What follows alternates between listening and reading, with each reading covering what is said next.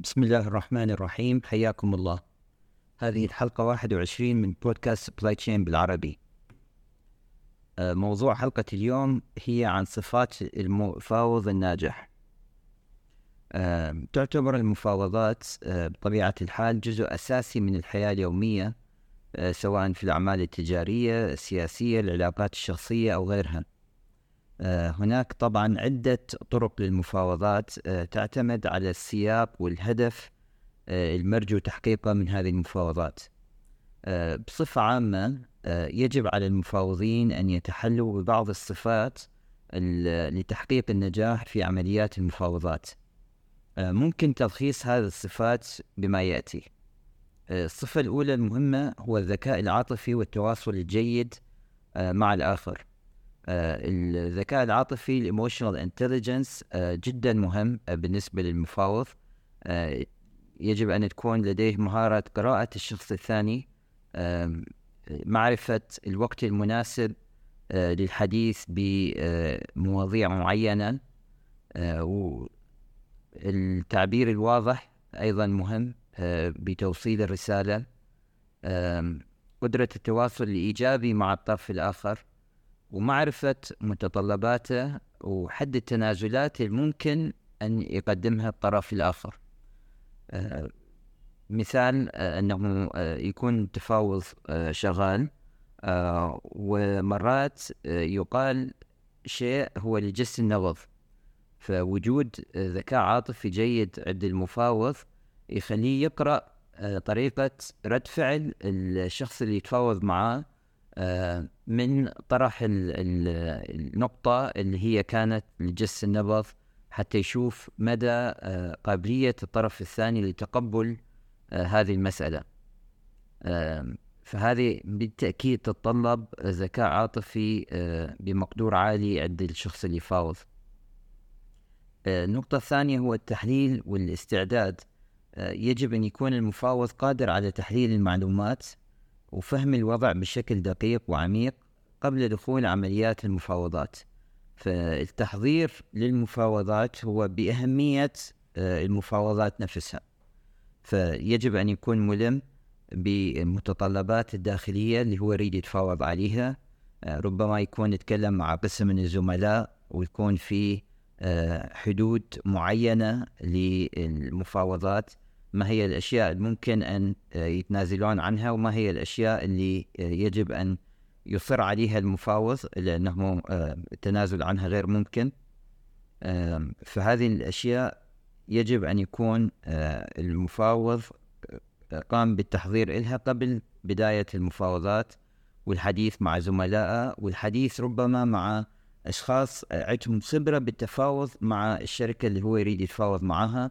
وتحديدا مع الأشخاص اللي راح يقابلهم ويتفاوض معهم فيعني من يكون عنده خلفية عنهم آه، خصوصا من خبرة أشخاص ثانيين قاموا بهذه المفاوضات هذا يكون شيء جيد واستعداد جيد آه، للمفاوض آه، قبل ما يدخل غرفة المفاوضات ويبدأ الحديث. الإبداع والابتكار المفاوض الناجح يجب أن يكون قادر على تقديم حلول مبتكرة وإيجاد منافع مشتركة تلبي مصالح الجميع تقديم حلول مبتكرة يعني في بعض الأحيان هو يدخل المفاوضات هو عنده شروطة والأهداف اللي يريد يحققها آه، وبعدين يكتشف أنه يعني في صعوبة بتحقيق الأهداف اللي هو يريدها ورا ما يسمع شرح إضافي أو تجي معلومات آه، حديثة من الطرف الثاني المفاوض. فبهذه الحالة الإبداع والابتكار جدا مهم للتوصل إلى اتفاق أو آه، يعني طرح نقاط إضافية للتفاوض آه، بحيث يشعر الطرفين أن هم آه، نجحوا آه، بأخذ النقاط الأساسية اللي هم يريدون أن يحصلون عليها. الصبر والمرونة دائما مقولة أنه الوقت هو لمصلحة المفاوض هاي بالتأكيد يعني مقولة صحيحة. لكن في بعض الأحيان خصوصا في المفاوضات التجارية الوقت مهم. يعني ربما التفاوض لمدة طويلة ممكن هو جيد من ناحية آه، يعني إيجاد تخفيضات إضافية أو تنازلات إضافية لكن بنفس الوقت تكون في فرصة بالسوق آه، ممكن أن آه، الفرصة هذه ما يتم استغلالها بشكل صحيح بسبب التأخير بالمفاوضات ووصول المنتج آه، إلى الأسواق. فإذا هنا المفاوض لازم يكون عنده هذا الحس المطلوب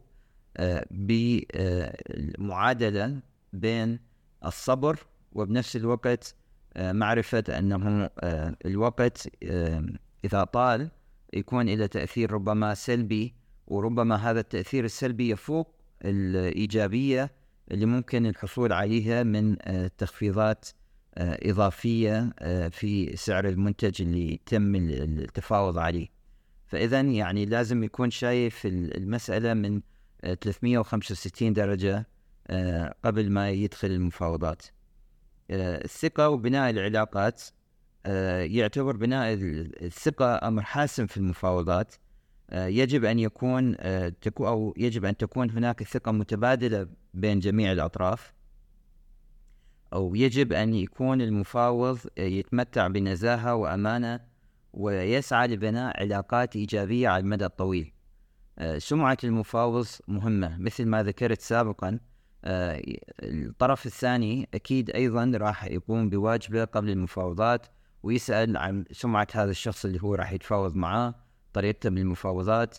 فإذا كانت السمعة إيجابية آه، والأشخاص الثانيين اللي هم تفاوضوا معه سابقا آه، يعني يتكلمون بشكل آه، جيد عن هذا المفاوض فهذا راح يكسبه ثقة تكون في ثقة أكبر أثناء المفاوضات ومن يتم الاتفاق على شيء حتى لو اتفاق شفوي على أساس أنه يرجع ويقنع الإدارة عنده باللي تم الاتفاق عليه فهذا راح يكون له مصداقية أكبر آه، بسبب مصداقية المفاوض نفسه والسمعة الموجودة عنده.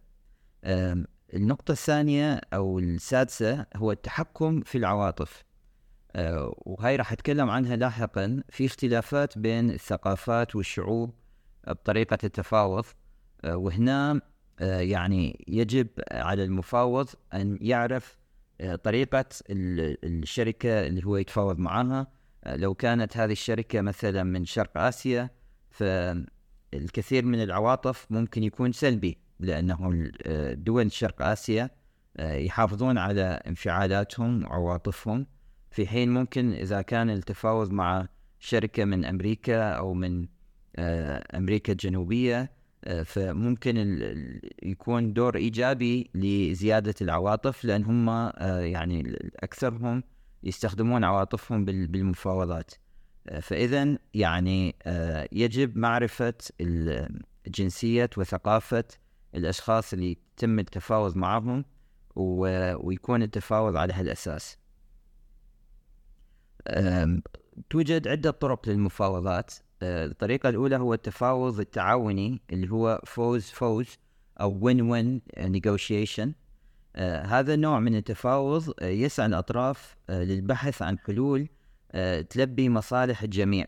ويتم التركيز على بناء علاقات طويلة الأمد وتعزيز التعاون بين الأطراف وهذا هو النوع التفاوض اللي ممكن يبني علاقة على المدى الأبعد وهذا النوع من التفاوض هو المطلوب آه، في حال أنه هذه العلاقة مع بين المورد والمستورد هي علاقة طويلة المدى آه، وهي مو فقط مناقصة واحدة أو آه، تفاوض لمرة واحدة. النوع الثاني من التفاوض هو التفاوض التنافسي اللي هو الفوز خسارة أو win lose negotiation. وهذا النوع من المفاوضات يركز على تحقيق مصلحة جانب واحد دون مراعاة مصلحة الآخرين. آه، فهذا النوع ممكن آه، يعني يكون آه، قصير الأمد لصفقة معينة لكن بطبيعة الحال من الصعوبة أن تبني علاقة طويلة الأمد. ويكون فيها جانب خسران أو لم يحقق أهدافه المطلوبة. التفاوض التسويقي التجاري هو آه، يعني امتداد للتفاوض التعاوني أو التفاوض التنافسي آه، لكن هو بما أنه هو تفاوض تجاري فيتضمن التفاوض على الأسعار شروط البيع الشراء ويهدف إلى توضيح شروط الصفقة بشكل عام. وهنا أيضا ممكن يكون في تنازلات بين الأطراف. يعني ممكن يكون طرف تنازل فرضا عن السعر لكن الطرف الثاني تنازل قليلا عن الشروط المطلوبة بالمنتج. طرف تنازل عن كلفة الشحن. ربما فيعني التنازلات تكون متعددة الأطراف. بالإضافة لهذه النقاط توجد نقاط إضافية حبيت أركز عليها. النقطة الأولى هي أهمية خلق القيمة في المفاوضات. في بعض المفاوضات مثلا الشركة اللي هي تبيع المنتج بودها أنه تخلي لوجو الشركة المستوردة وتستخدم اسمها من من تعطي برزنتيشنز أو تقوم بإلقاء عروض على شركات ثانية وتخلي أنه هذه الشركة هي أحد الشركاء الاستراتيجيين إلها. فهذه إلها قيمة للشركة اللي تبيع المنتج. فممكن التفاوض على هذه القيمة الإضافية أنه إحنا نسمح لكم أن تقومون بهذا العمل وأن تستخدمون اسمنا. مع عملاء آخرين لكن يكون بشروط وتنازلات معينة. فهنا يكون المفاوض خلق قيمة إضافية. بالنسبة للمفاوض هو ما خسران شيء أنه يستخدم اسمه واللوجو. لكن بما أنه هو شاف أنه المفاوض الآخر على الطرف الثاني يشوف يعني أهمية لهذه المسألة فهو وافق عليه لكن بشروط. النقطة الإضافية المهمة هي التعاطف مع المفاوضين الآخرين. آه يعني آه مقولة أنه أنا أسمع أسمعكم أنا أفتهم يعني أنتم من وين جايين بهذا الطلب. آه هذا يعطي شعور للطرف الثاني حتى بحال عدم الموافقة على الشرط لكن يعطي شعور للطرف الثاني أنه الطرف المفاوض آه سمع بشكل جيد وتعاطف مع مطالبه وتفهمها لكن هو ما قادر أن يقدمها أو يوافق عليها لأسباب معينة. الثقافة تكلمت سابقا عن الثقافة فأريد أرجع أركز على هاي النقطة.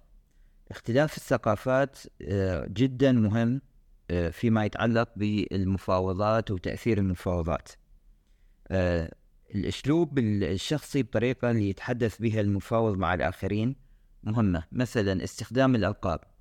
آه، عندنا بالوطن العربي ربما من المناسب استخدام الكنية.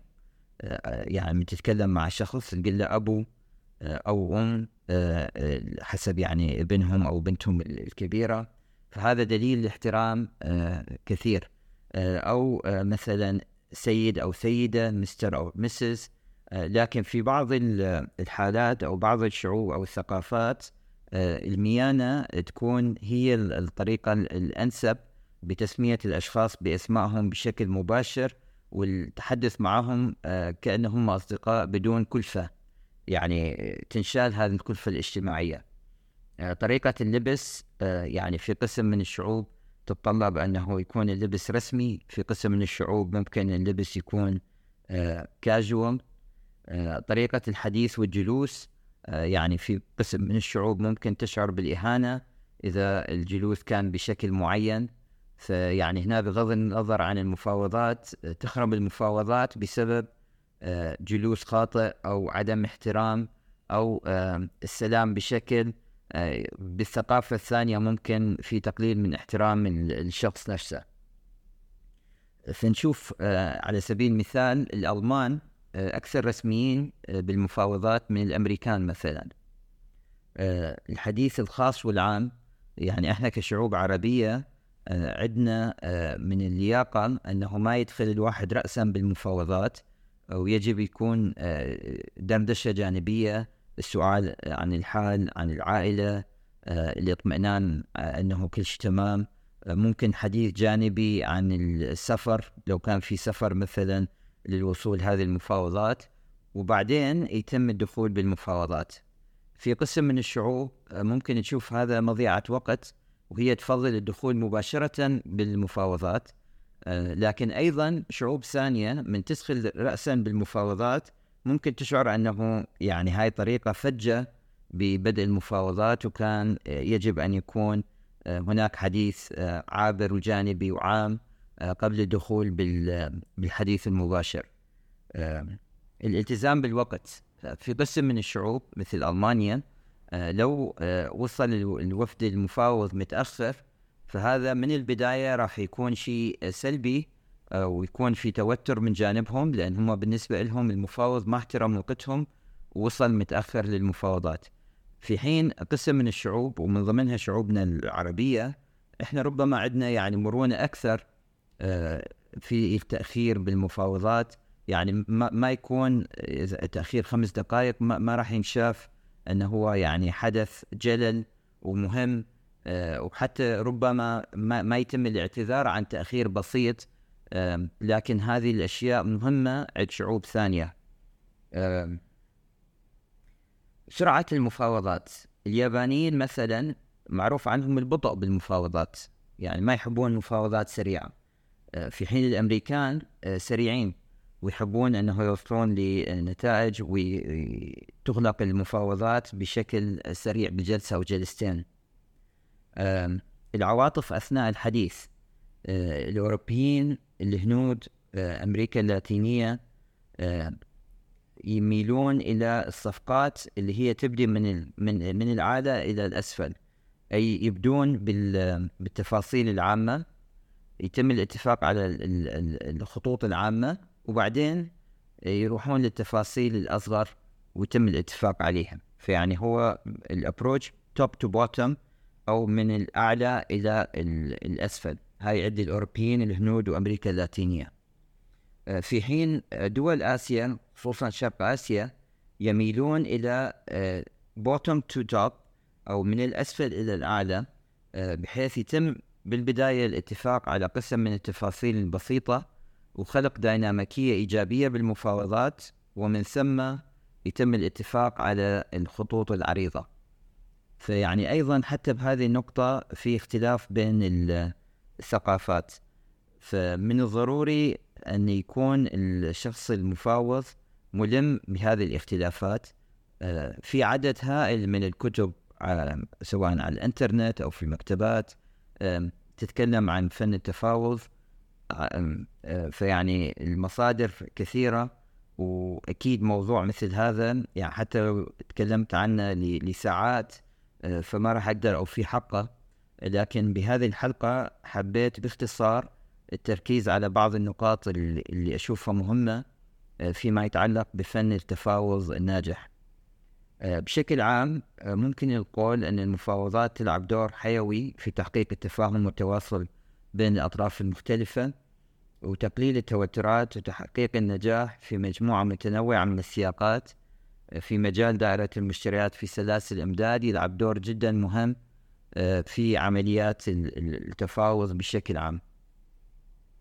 في الختام أحب أذكر أنه موقع البودكاست هو supply chain بالعربي dot com البودكاست متاح على المنصات الآتية اللي هي Apple Podcast Google Podcast Deezer Spotify أنغامي YouTube و TikTok شكرا لحسن الإصغاء وإلى حلقة قادمة إن شاء الله.